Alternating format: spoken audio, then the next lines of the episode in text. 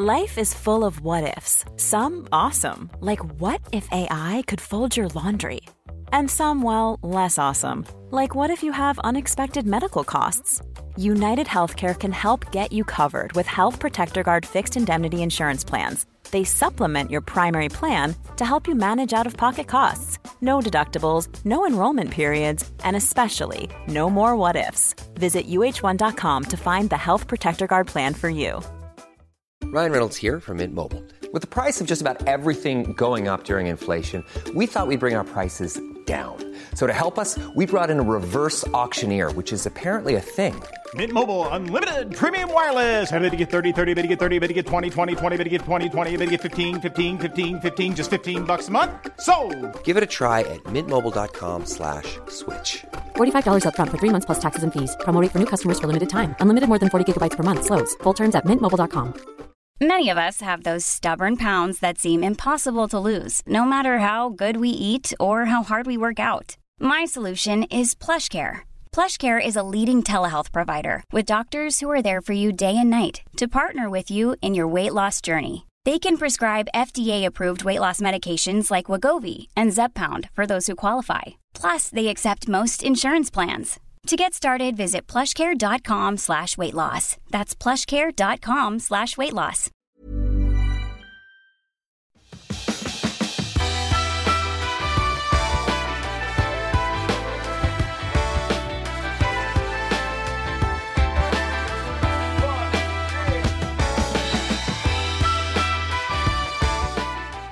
Hej och hjärtligt välkommen till Klimakteriepodden med mig, Åsa Melin.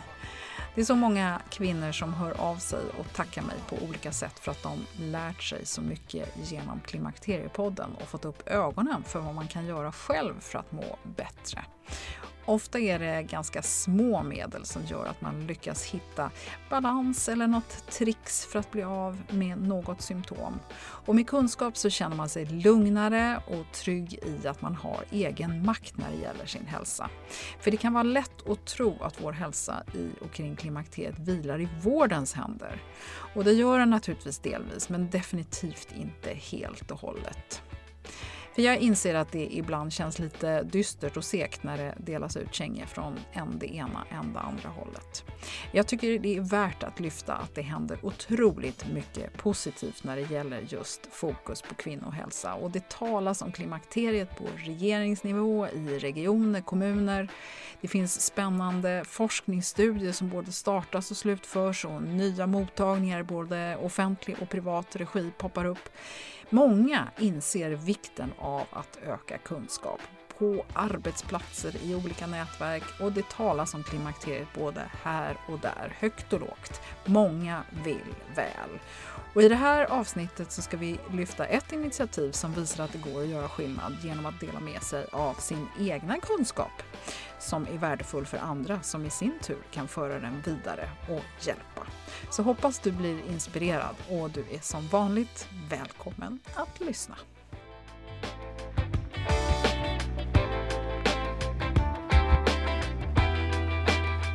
Vad härligt hörni! Sitta här en kulen höstmorgon med två vackra kvinnor som brinner för klimakteriet. Välkomna till Klimakteriepodden, Lena Rindner och Monica Björn. Tack snälla. Tack. Hur känns det? Bra! Ja, det känns bra. Ja, härligt. Alltid roligt att få vara här hos dig, Åsa. Ja, men visst. Och eh, det är inte alltid jag har två gäster i podden samtidigt, så att, eh, det blir spännande. Men det finns ett skäl till att ni är här samtidigt. Lena, vill du eh, berätta vem du är? Ja, jag är eh, medicine doktor i allmänmedicin och eh, forskare och distriktssköterska i botten. Och jobbar nu med att implementera klimakterierådgivning på vårdcentralen i närhälsan har jag som projekt. Ja. Mm. Jättefint. Och Monica, vem är du för den som har missat dig? Jag är författare, idrottsvetare, jobbar med träning, hälsa och klimakterieaktivism. Ja. Vad betyder klimakterieaktivism? Jag driver ett Instagramkonto framförallt som heter Stark genom klimakteriet där jag delar kunskap, evidensbaserad och ja, kunskap om klimakteriet och om eh, hur kvinnor blir bemötta idag i sjukvården när de söker hjälp, Mm. till exempel. Jag tycker att du som lyssnar ska gå tillbaka till avsnitt 272 där Monica senast var gäst. Hon har varit eh, gäst här i Klimakteriepodden många gånger, men eh, det var senaste avsnittet. Och Lena Rinne berättar om sin utbildning för vårdpersonal och forskningen i avsnitt 282. Och nu har ju ni slagit påsarna ihop eh, och skapat en egen gemensam utbildning. Det är ju lite häftigt tycker jag i alla fall då att ni kommer från två helt man kan ju på ytan i alla fall tänka att ni kommer från två olika, helt olika håll. Eh, berätta varför ni startar den här utbildningen och varför den är så viktig och eh, varför finns inte det här? Monica, vill du börja? För det är ditt initiativ. Ja, nej men alltså det, det är en sak att eh, sitta och förfasas över den eh, icke-hjälp som många kvinnor får när de väl söker hjälp till exempel på sin vårdcentral. Och jag kunde känna en stor frustration i det. Och eh, när Lena och jag efter mycket om och men faktiskt då fick träffas live så kläcktes den här idén om att faktiskt slå våra påsar ihop och kunna göra någonting gemensamt som då är riktat just mot eh, vårdprofessioner för att kunna höja kunskapsnivån eh, där ute i, eh, i landet för att på så sätt främja en mer jämlik vård oavsett om man bor i i Kalix eller om man bor nere i, i Skåne. Men Monica, du har ju liksom en annan ingång i det här, så varför behövs du i det här och vad tillför du i den här utbildningen? Jo, men det är ju faktiskt så här att när man söker hjälp så kan man då delvis få medicinsk hjälp, det vill säga hormonbehandling. Men det finns ju också väldigt mycket man kan göra med livsstilsinterventioner, alltså med träning, med vila, återhämtning, sömn. Eh, och eh, inom det området som faktiskt då är mitt expertisområde så har jag en hel del att eh, erbjuda i, ifrån min erfarenhet och den kunskap som jag besitter. Mm. Och Lena, berätta, hur känner du då inför den här utbildningen och starten och varför den är så viktig? Ja, det är för att vi har sett inom vården på vårdcentralerna att kvinnor mellan 45 och 60 år de är överrepresenterade, överrepresenterade när det gäller psykisk ohälsa. Och eh, långtidssjukskrivning också. Och med den här metoden, arbetsmetoden nu som jag har forskat tagit fram då genom en, min av, som är huvudresultat av en avhandling. Så tror jag att vi kan hjälpa till. Vi får in den här metoden. Kunskapen har vi ju egentligen för vi har eh, vårdpersonal har i alla fall minst 4,5 års akademisk utbildning. Men vi behöver eh, veta huret, hur vi ska få in det, hur vi ska lägga upp och planera strukturen på rådgivnings, rådgivningen. Ja, för jag tänker så här att den här kvinnan, att plocka mm. upp henne, det är ju det som är hela grejen. Men vi träffar ju dagligen på vårdcentralen kvinnor som är mellan 45 och 60 år, det är ju inget konstigt, vi träffar kvinnor hela livet. Så där vi, även om inte kvinnan väl är medveten om så börjar vi ändå fråga kvinnan nu, tror att det kan vara klimakteriet? Även sjuksköterskan i telefonen, i telefonrådgivningen börjar titta på det.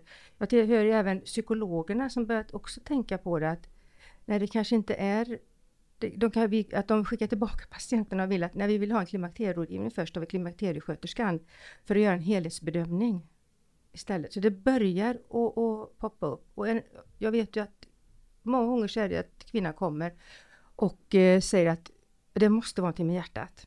Jag mår inte bra. Jag tror det är blodtrycket. Och så är det som att få en biljett in till att få en tid på, hos en, på en vårdcentral. För idag är det ju svårt att få tider på en vårdcentral.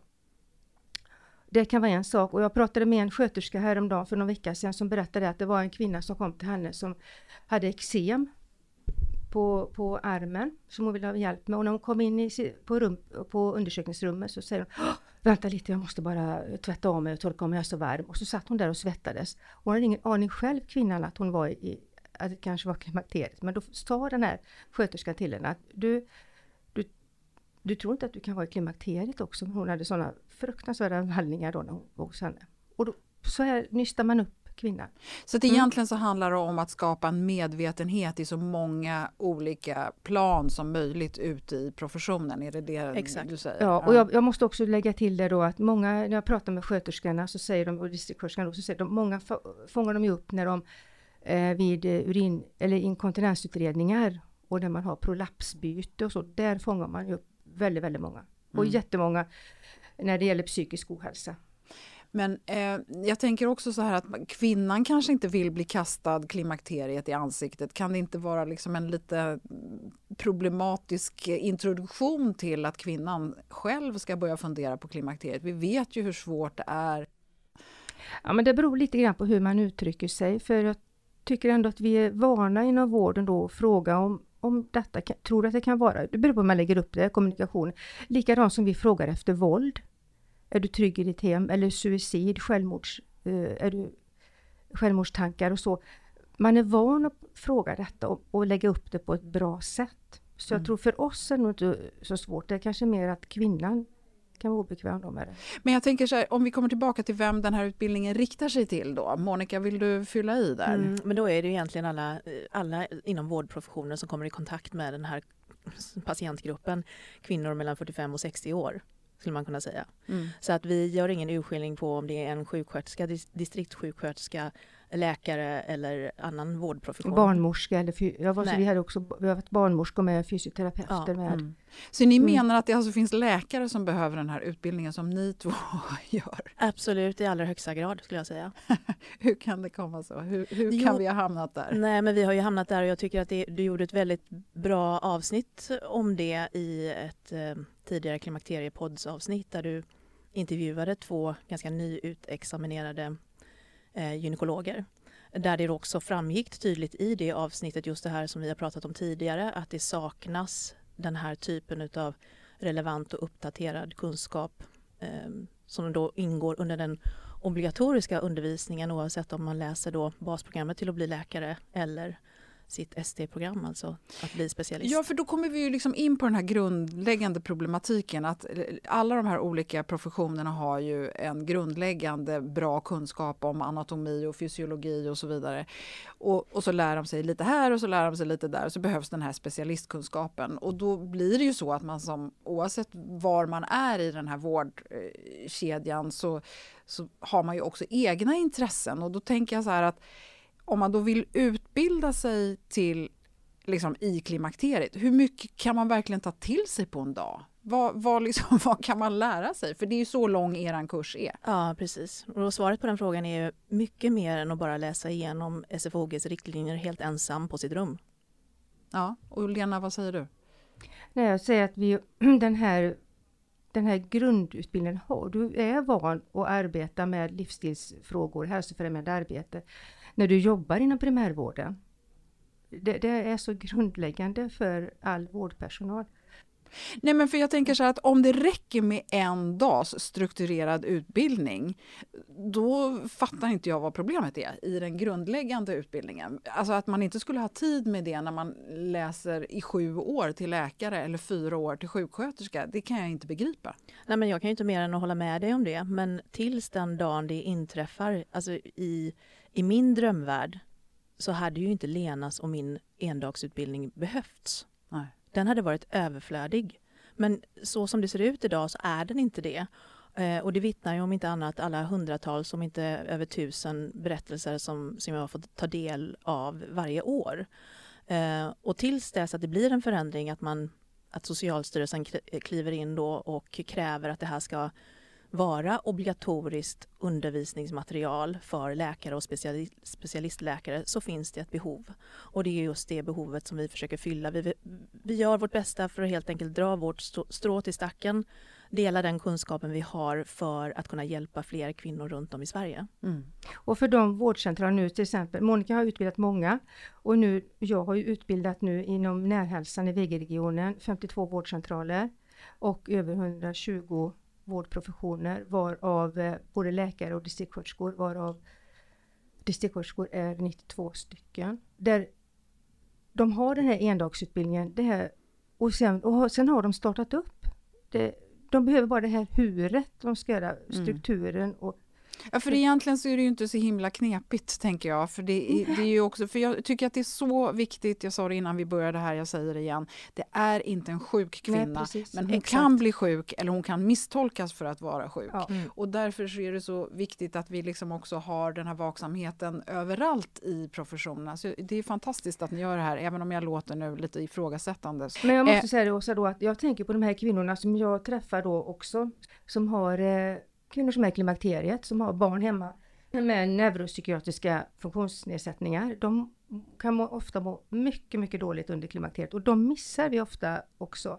Och likadant kvinnor som har ADHD, de kan också må jättedåligt under eh, klimakteriet. När man, när man är så sårbar, inte just att det är klimakteriet, under den här perioden man är, när östrogennivåerna sjunker, så när man blir extra sårbar.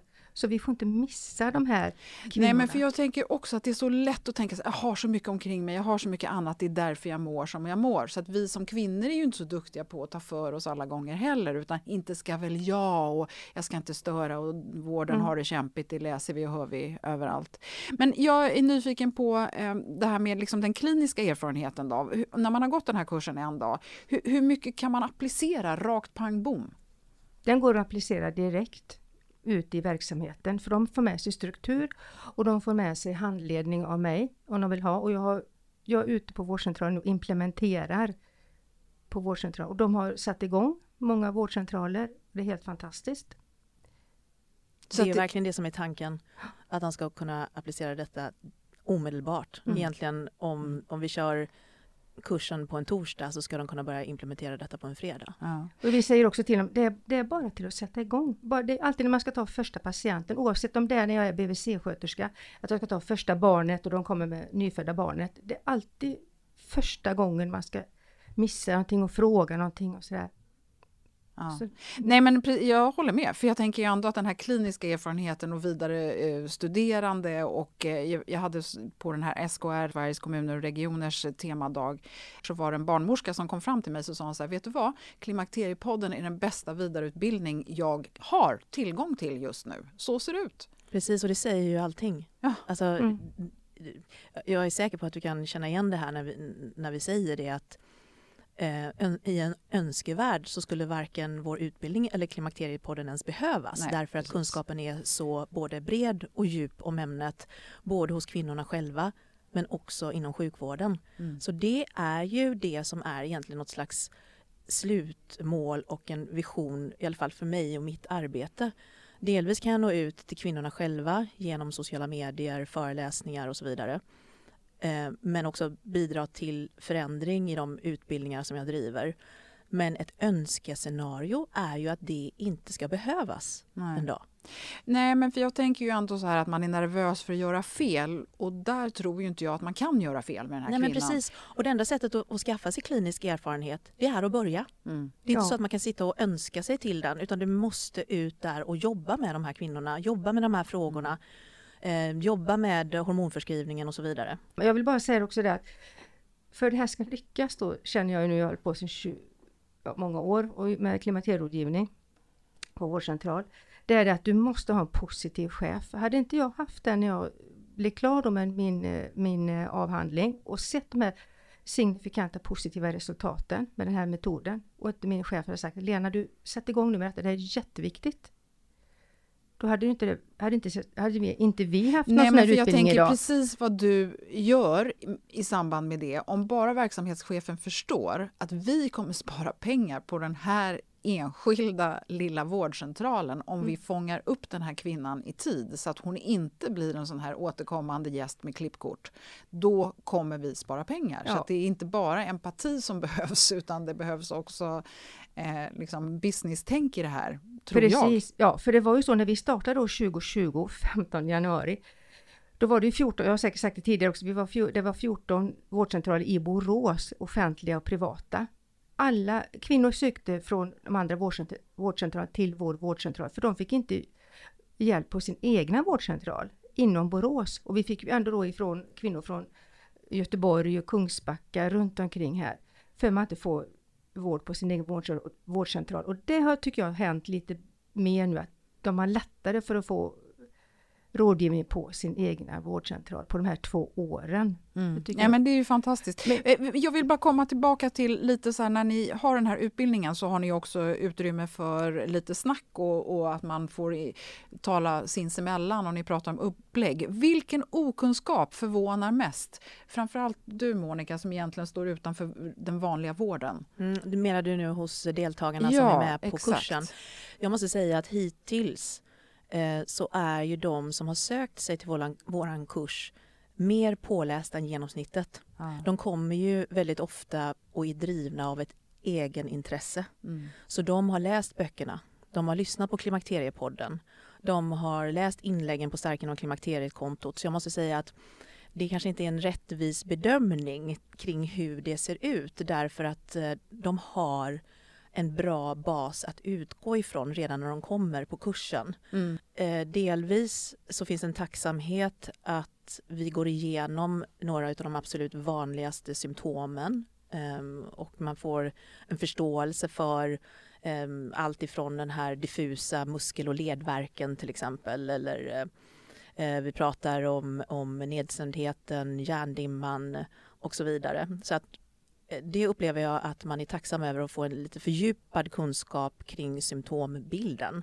Mm. Eh, och sen givetvis också att de väldigt mycket uppskattar eh, att höra kring eh, livsstilsinterventioner eh, och även såklart då Lenas del där hon pratar om den praktiska uppstarten utav eh, rådgivningen och även då när vi pratar om medicineringsdelen. Så att jag skulle nog säga att hittills så har vi fått fantastiskt fin feedback utav de deltagare som har varit, som har varit väldigt nöjda med helheten utav kursen, att de känner sig, ah, ja men vi känner oss faktiskt redo nu att sätta igång. Det är pirrigt och det är nervöst, men nu så längtar de liksom efter att och, och komma mm. hem och sätta ja, men så det, är mycket, det är viktigt att ni har, ger tid till det här resonemanget och att man kan prata om det här diffusa som mm.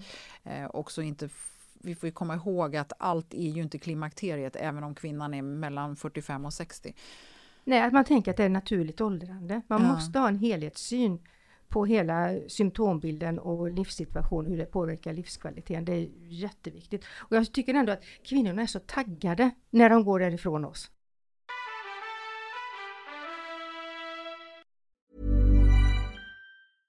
Ryan Reynolds here from Mint Mobile. With the price of just about everything going up during inflation, we thought we'd bring our prices down. So to help us, we brought in a reverse auctioneer, which is apparently a thing. Mint Mobile unlimited premium wireless. Have to get 30, 30, bit to get 30, bit to get 20, 20, 20, bit to get 20, 20, bit to get 15, 15, 15, 15 just 15 bucks a month. So, Give it a try at mintmobile.com/switch. slash $45 up front for 3 months plus taxes and fees. Promo for new customers for limited time. Unlimited more than 40 gigabytes per month slows. Full terms at mintmobile.com.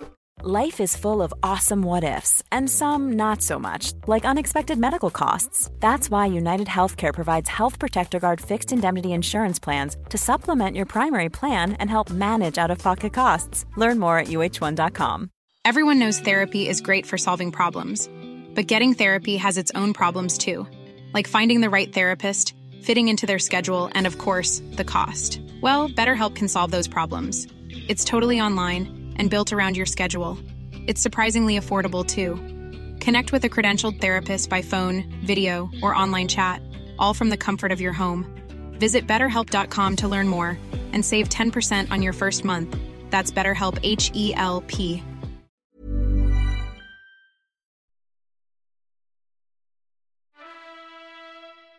Jag vill komma tillbaka till det. Du har ju berättat om din utbildning Lena och du jobbar ju jättemycket då i Västra Götalandsregionen. Och, och Monica, du har ju din Stark genom klimakteriet certifiering som du har jobbat med nu några år. Hur olika är de här olika typerna av utbildningar som ni jobbar med? Ja, men grundidén att eh, ge kunskap om vad är klimakteriet och vad händer när man är där, eh, den är ju såklart lik för att det är ju samma sak som händer. Det som skiljer utbildningarna åt i Stark genom klimakteriet-certifieringen som, som kommer ifrån eh, liksom friskvårdshållet ehm, och, och riktar sig till män och kvinnor som jobbar dagligen med kvinnor mellan 40 och 60. Ehm, så pratar jag också om symptomdelen och vad som händer rent eh, biologiskt i kroppen när man går igenom den här fasen. Men det som jag inte lägger någon tid på det är just det här hur startar man en eh, rådgivning på sin vårdcentral. Ja, ja. Jag pratar inte ingående om medicinering så, så som Lena gör på vår utbildning för vårdpersonal. Så att eh, de två sjoken eh, finns ju inte på Stark inom klimakteriet certifieringen. Ehm, och ehm, på Stark inom klimakteriet certifieringen så har jag en del som, heter, som är något längre då som handlar just om den tränande kvinnan i klimakteriet. Eh, där är ett litet, litet avsnitt med i det i Lena som min utbildning men, men det är mycket, kort, mycket, mycket kortare än på Stark inom klimakteriet-certifieringen. Mm. Och för dig när du håller endagsutbildningar, vad är det som du inte kan lägga tid på på den här dagen med Monica som du brukar lägga tid på då? Nej, det, det, är ju mer, nej, men det är ungefär samma som jag har på de andra utbildningarna. Det jag fokuserar ju mycket på, just det här teoretiska som vi har i början. Som har grund, Och ja, vi kanske gör lite mer gruppdiskussioner på den endagsutbildningen jag har inom VG-regionen. Mer diskussion, och, men det här med upplägget är ju jätteviktigt, hur man startar upp. Det är det vi fokuserar mycket på och hormonbehandlingar så man ska bli bekväm med det. Mm. Och ett samverkan då med läkaren på vårdcentralen. Vi ska komma tillbaka till hormonbehandlingar men först vill jag bara fundera på lite grann eh, vem är det som finansierar Lena, du som har jobbat i den offentliga vården så länge, vem är det som egentligen betalar vidareutbildning?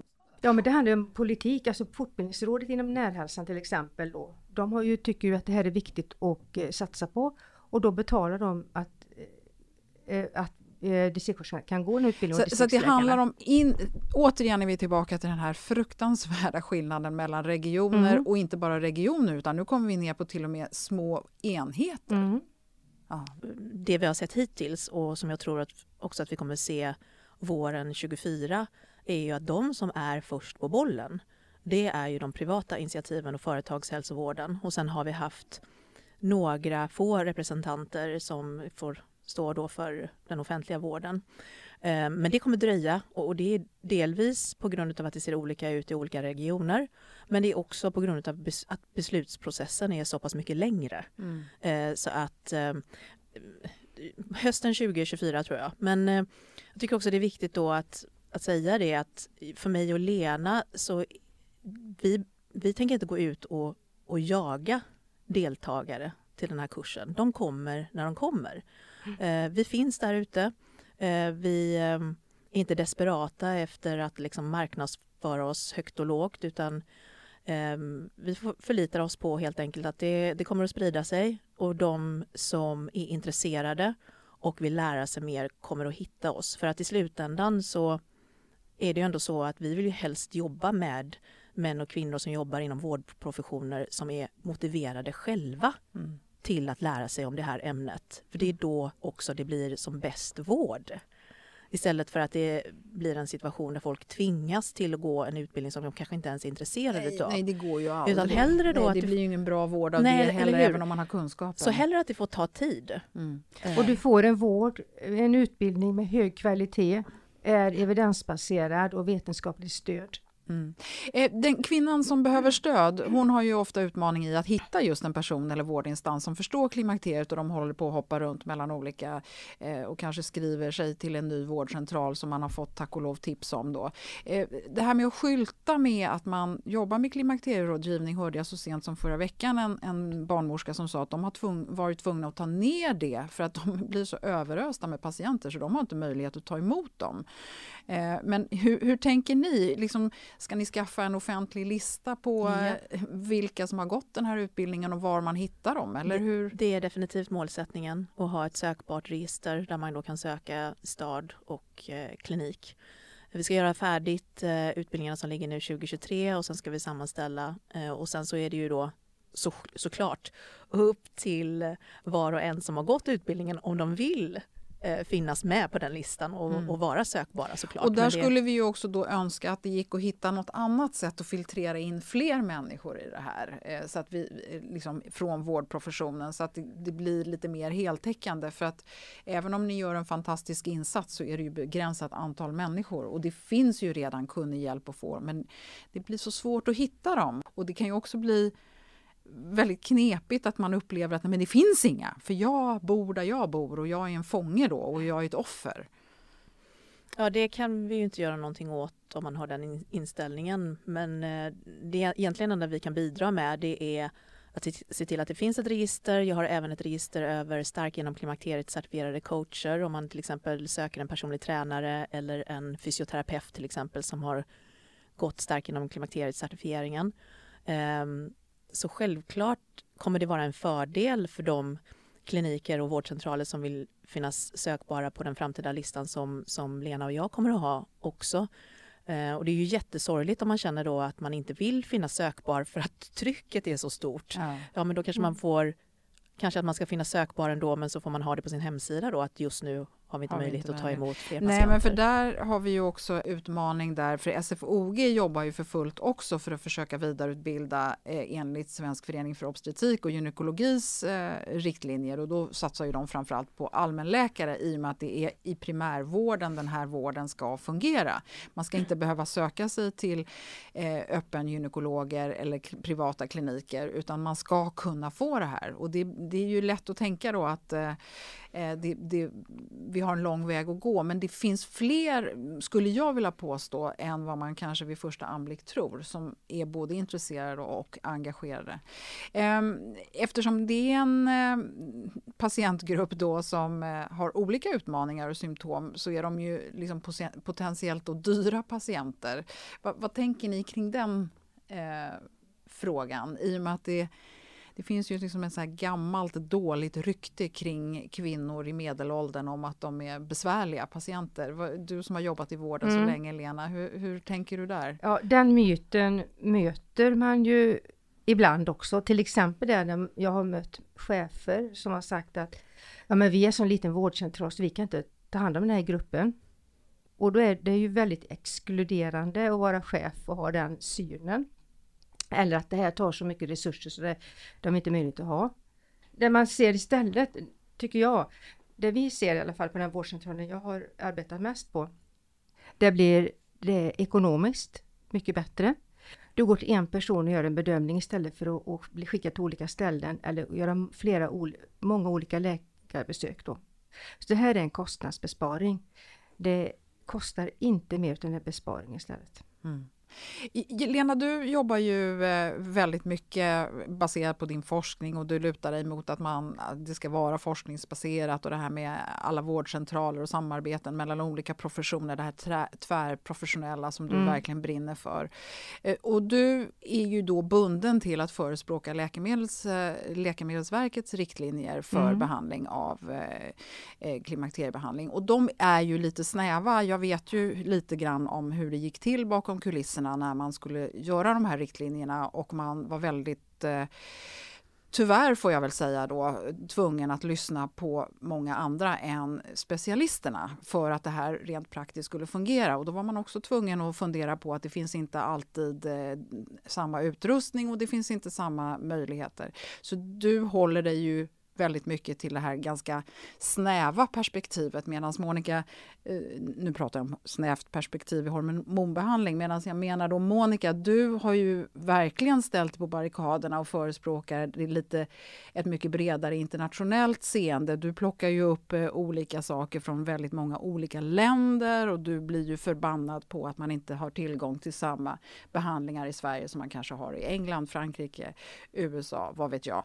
Ehm, hur jämnt jämkar man, jämkar man ihop det här för att det ska fungera och bli begripligt för den som går utbildningen? Mm, jag hoppas ändå att vi, att vi lyckas med det. Ehm, därför, och jag vill bara förtydliga att, att det som jag förespråkar eller vad man, vad man ska säga, det som jag eh, vill bedriva ökad kunskap om är ju att det finns olika typer av hormonbehandling Eh, och 2023 så borde det vara så att vi har fri tillgång till alla typer som faktiskt är evidensbaserade.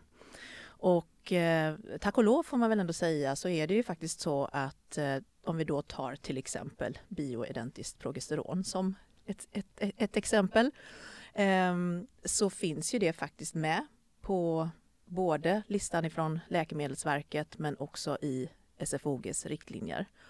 Eh, vilket då också gör att eh, vi kan prata om det på utbildningen och i vilka situationer som till exempel tidigare om man har haft, visat en känslighet mot gestagener eh, och, och, vet att man har mått väldigt dåligt på det till exempel, då kan det vara en indikation på att bioidentiskt progesteron kan för, föreskrivas istället. Jag skulle säga att den stora svårigheten idag är inte så mycket riktlinjerna ifrån Läkemedelsverket utan den största utmaningen är reklistan för de olika regionerna. Mm. Och det kan ju Lena prata lite mer om. Mm. Mm. Den styrs ju mycket reklistan för läkarna och sköterskor. Och reklistan är alltså rekommenderade läkemedel som Precis. finns i Stockholmsregion heter det till exempel Kloka-listan mm. och där står det tydligt vad man kan förskriva. Ja, det som är skillnaden på i reklistan det kan vara till exempel olika regimer, vad man rekommenderar för regimer i MHT och till exempel hur man eh, gör med gynundersökningar vid eh, insatt, ja, i samband med besöket hos läkaren. Mm.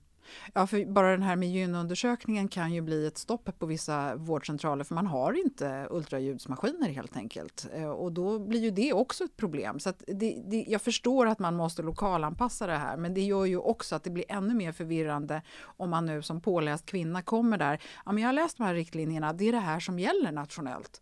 Men ni jobbar inte så. Hur, att det ens kan bli så, det är ju det mm. som jag tycker är det är så orättvist för kvinnan att hon kan drabbas av någonting bara för att det är någon slags liten lokal hövding som har bestämt någonting. Ja, och vem du träffar. Ja. Vem som sitter framför dig som kvinna när du ska söka vård. Det är ju det. Ja, och det är det här då som eh, jag frustreras över att i spåren av den här återuppståndelsen för klimakteriet så det är klart att det, pendeln svänger. Jag träffade professor Angelica Lindén Hirschberg häromdagen och hon oroar sig nu för att det finns väldigt mycket påhittighet också kring hur man behandlar sig själv och hur man rekommenderar varandra. Hon sa att just nu så har vi liksom kommit till någon slags eh, innovativ eh, behandlingsregim från, som liksom drivs nästan av kvinnorna, patienterna själva. Eh, och vården liksom känner att de har lite tappat kontroll över vad som pågår. Och i, i spåret av den här liksom, klimakterieuppståndelsen så är det väl så att pendeln kanske svänger lite för långt åt ena hållet innan den svänger tillbaka och lugnar ner sig i, igen. Ja, jag måste bara säga att eh, jag stödjer inte självmedicinering eh, såklart i, i eh, teorin. I praktiken så hoppas jag att vården ställer sig frågan varför händer det här? Om vården hade varit påläst, om vården hade varit engagerad, om vården hade varit kunnig och uppdaterad på den senaste evidensbaserade forskningen internationellt, då hade vi inte haft det här problemet.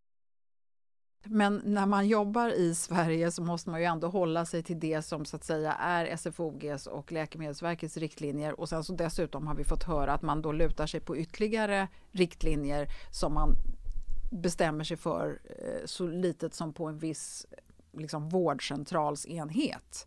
Lena, nu vill du komma in.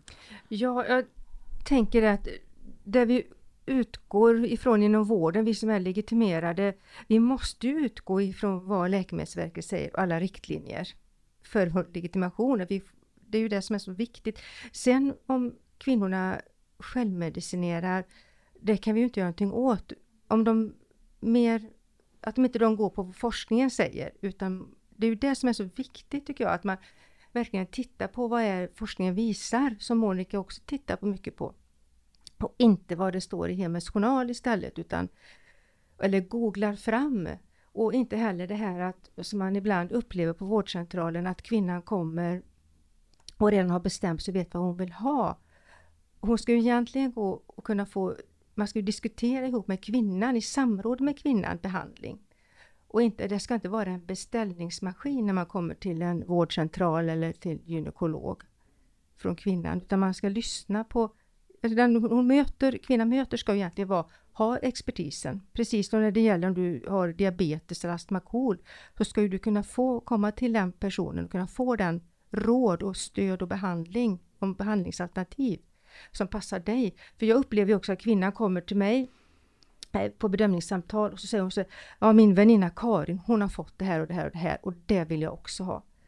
Och, för man har ju så lite kunskap om att det som min väninna Karin har kanske inte alls, alls passar mig för jag kanske har eh, oregelbundna blödningar medan Karin är hysterektomerad. Så att det här brister mycket hos kvinnor tror jag, Jo men och det är väl här som då professionen nu, eh, eller de som ytterst liksom står för de riktlinjer som SFOG har och eh, som är de som i Sverige då anser sig vara bäst lämpade för att fortsätta driva det här framåt de har en inställning till, eller ser en oro till att kvinnor liksom tar lite för mycket personliga initiativ i det här. Och då är man orolig för vad kan det handla? För man är orolig för att den här eh, återgången till att eh, hormonbehandlingen har fått se dagens ljus igen eh, att det ska få en backlash som gör att vi kanske måste dra till det för att det plötsligt kommer då skräckexempel om fyra, fem år på att kvinnor har tagit eh,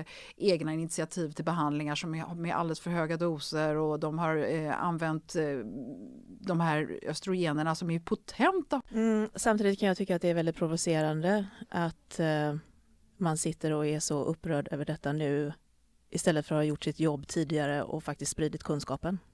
Precis, ja, du får hålla med om det eh, eh, Monica. Det, det blir ännu större motivation till att vi måste starta upp klimakterierådgivningen för kvinnan när det ser ut så här. Så att man får rätt stöd och rätt råd och rätt behandling istället mm. för att man ska självmedicinera. Mm. Nej men så kontentan av det här då, eh, Monica, om du vill runda av med vad, vad, du tänker, dels vad ni tänker med utbildningen framöver och hur du liksom ser på det här. Jag vet att du blir upprörd nu, jag ser hur hjärtat slår.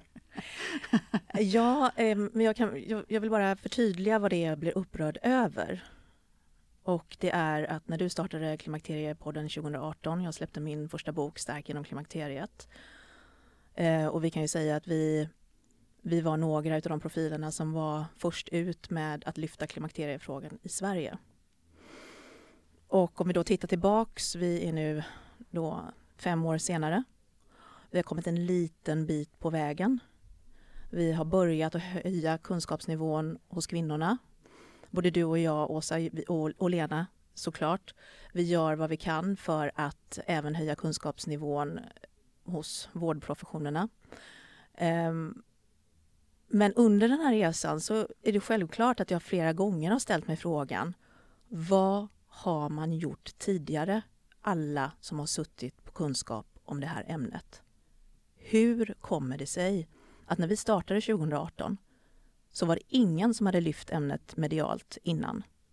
Så självklart blir jag provocerad när man då från olika håll och kanter inom, inom eh, vården nu höjer sina röster och bara pekar ut den negativa påverkan som kunskapsspridningen möjligtvis har fört med sig. Istället för att ta sitt ansvar och säga det, vi har misslyckats. Vi har misslyckats med att sprida kunskapen inom vårdprofessionerna. Vi har också misslyckats med att sprida kunskapen bland kvinnorna själva. Och därför har vi en situation idag som kanske inte är hållbar istället för att peka finger åt de läkare och gynekologer som faktiskt kämpar som tusan för att hjälpa, för att vara lydhörda, eh, för att följa den senaste forskningen internationellt. Det är lätt att stå där och peka finger utan att dra ett strå till stacken för att göra situationen bättre. Och därför befinner vi oss där vi är idag. När det gäller eh, utbildningarna, både min och Lenas och min egen, så har Lena och jag i alla fall sagt att vi tänker långsiktigt. Vi vet att det här är ett arbete i hård motvind och eh, det är en uppförsbacke. Vi märker ju nu att det är väldigt många sköterskor som går utbildningen. Det är inte sköterskorna eller barnmorskorna som skriver ut recepten, för det är läkarna som gör det. Och eh, jag tror att det kommer dröja ganska länge innan vi har 50-50 med sköterskor och läkare på, på utbildningarna. Och tills vi har läkarna på utbildningen så kommer det inte bli en sån stor förändring som jag skulle vilja se. Men vad är alternativet? Alternativet är att sitta hemma och gnälla över att situationen ser ut som den gör. Eller så agerar man då på det och försöker dra sitt strå, strå till stacken. Och det är det som Lena och jag försöker göra. Eh, men det kommer inte gå snabbt. Det kommer inte gå på ett år. Eh, utan det kommer kanske ta flera år och det, kom, det finns ett stort motstånd i, i att lära nytt lära om eh, och, och, och eh, vidareutbilda sig. Eh, både inom kvinnohälsa i stort men kanske framförallt då eh, inom klimakteriet. Det anses inte sexigt. Det är inte en patientgrupp som man kanske nödvändigtvis vill jobba med. Så att det, det är ett tufft arbete såklart men, men, men vi är ändå, även om det kanske låter mörkt nu, vi är ändå optimistiska inför framtiden. För hade vi inte varit det så hade vi antagligen, i alla fall jag hade lagt mig under en sten och bara checkat ut. Liksom. Men vi får ändå se det här också nu, Monica, eh, Monica Åsa, att vi har ändå, de här kvinnorna som har gått nu hos oss, de är ändå taggade och de har chefer som har skickat iväg dem till vår utbildning, att de ska gå det och de vill att de vill starta upp det på sin vårdenhet. Mm. Oavsett om det är vårdcentral, barnmorskemottagning eller fysioterapi eller rehab, så vill de det. Mm. Så att det härliga är ändå att det, vi ska vara glada positivt. för att ja, det kokar det runt lite grann och sen så kanske det är så som väldigt mycket att den här pendeln, vi får låta den slå eh, eh, lite orytmiskt ett tag och sen så hoppas vi att det landar. Lena, vill du avslutnings, absolut avslutningsvis säga någonting mer? Jag tror att det är viktigt också att vi ser det här när vi, att när vi arbetar med kvinnor mitt i livet mellan 45 och 60 år, att vi vi samverkar i team, både tillsammans med läkare, sköterskor, barnmorskor, fysioterapeuter, rehabkoordinator, det är också en grupp som är bra att ha med när man jobbar med kvinnan. Och psykologer och terapeuter, psykoterapeuter. Så det är ju att vi alla kan dra ihop till att det ska bli så bra för kvinnan som möjligt. Och det, det betyder viktigt. ju inte att kvinnan behöver träffa alla, personer. Nej, men hon vet hon... vem hon ska kontakta. Hon har en som samordnar mm. vården mm. och sen så pratar vi andra med varandra. Snabbare och ja, snabbare, snabb mm. vård, lättillgänglig vård. Mm. Ja, men det är bra. Nu så vill jag varmt tacka Monica Björn och Lena Rinner för att ni kom till Klimakteriepodden idag. Det är lyxigt för mig att få sitta här i Stockholm med er två, trots att ni kommer från andra delar av landet. Men jag måste säga att det blåser positiva vindar just i Västra Götaland. Där kokar det som tusan, både på arbetsplatser och eh, vårdcentraler och regionen och så vidare. Så jag tror att det kommer sprida sig. Jag är också hoppfull. Det är tack också. för inbjudan Åsa. Ja, tack Roligt för inbjudan. Jätteroligt.